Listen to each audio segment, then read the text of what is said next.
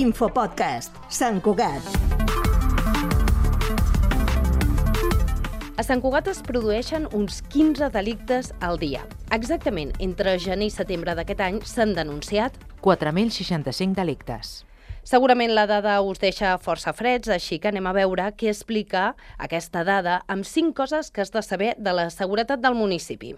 Augmenta o disminueix la criminalitat?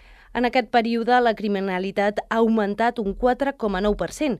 Des de Mossos atribueixen aquest increment a l'augment en els robatoris amb força a l'interior de vehicles i a les estafes. Quin és el delicte majoritari a Sant Cugat? La gran majoria de delictes que es cometen a Sant Cugat són contra el patrimoni. De fet, els delictes contra les persones, que serien els més greus, són bàsicament residuals al municipi. El delicte més habitual és el fur, que és el que acumula més denúncies, més d'un miler, en els primers nou mesos de l'any. Què preocupa als Mossos? Tot i que els furs són els més habituals, els Mossos presten especial atenció als robatoris amb força a domicilis, que han augmentat un 8,6%, i els robatoris amb força a l'interior de vehicles, que ho han fet un 70% fins a arribar a uns 400 casos durant aquest 2023. Com hi faran front? Des del cos de seguretat mantenen els operatius contra els robatoris a domicilis i ja preparen un pla de xoc contra els robatoris amb força a l'interior de vehicles.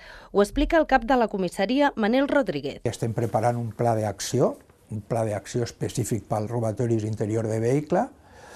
Introduirem alguna, alguna qüestió policial que no havíem fet mai a Sant Cugat, però que mm, considerem que ara, donades aquestes dades, eh, hem de fer doncs, una prevenció poder més, eh, més activa i més contundent. Quina valoració fan els Mossos de totes aquestes dades? El sotsinspector Manel Rodríguez respon així a aquesta pregunta. Tinc molt clar que són molt bones dades, independentment de que hi hagi una, un increment d'un 4%, aquest 4% o 7% en, en patrimoni, 4% en persones i, i 7% en patrimoni, mm, tenim, mm, sabem per què s'han produït i per què s'han produït i on s'han produït i doncs, el que us explicava que farem perquè doncs, no tornin a incrementar-se. Els Infopodcasts són una producció de Ràdio Sant Cugat i la xarxa.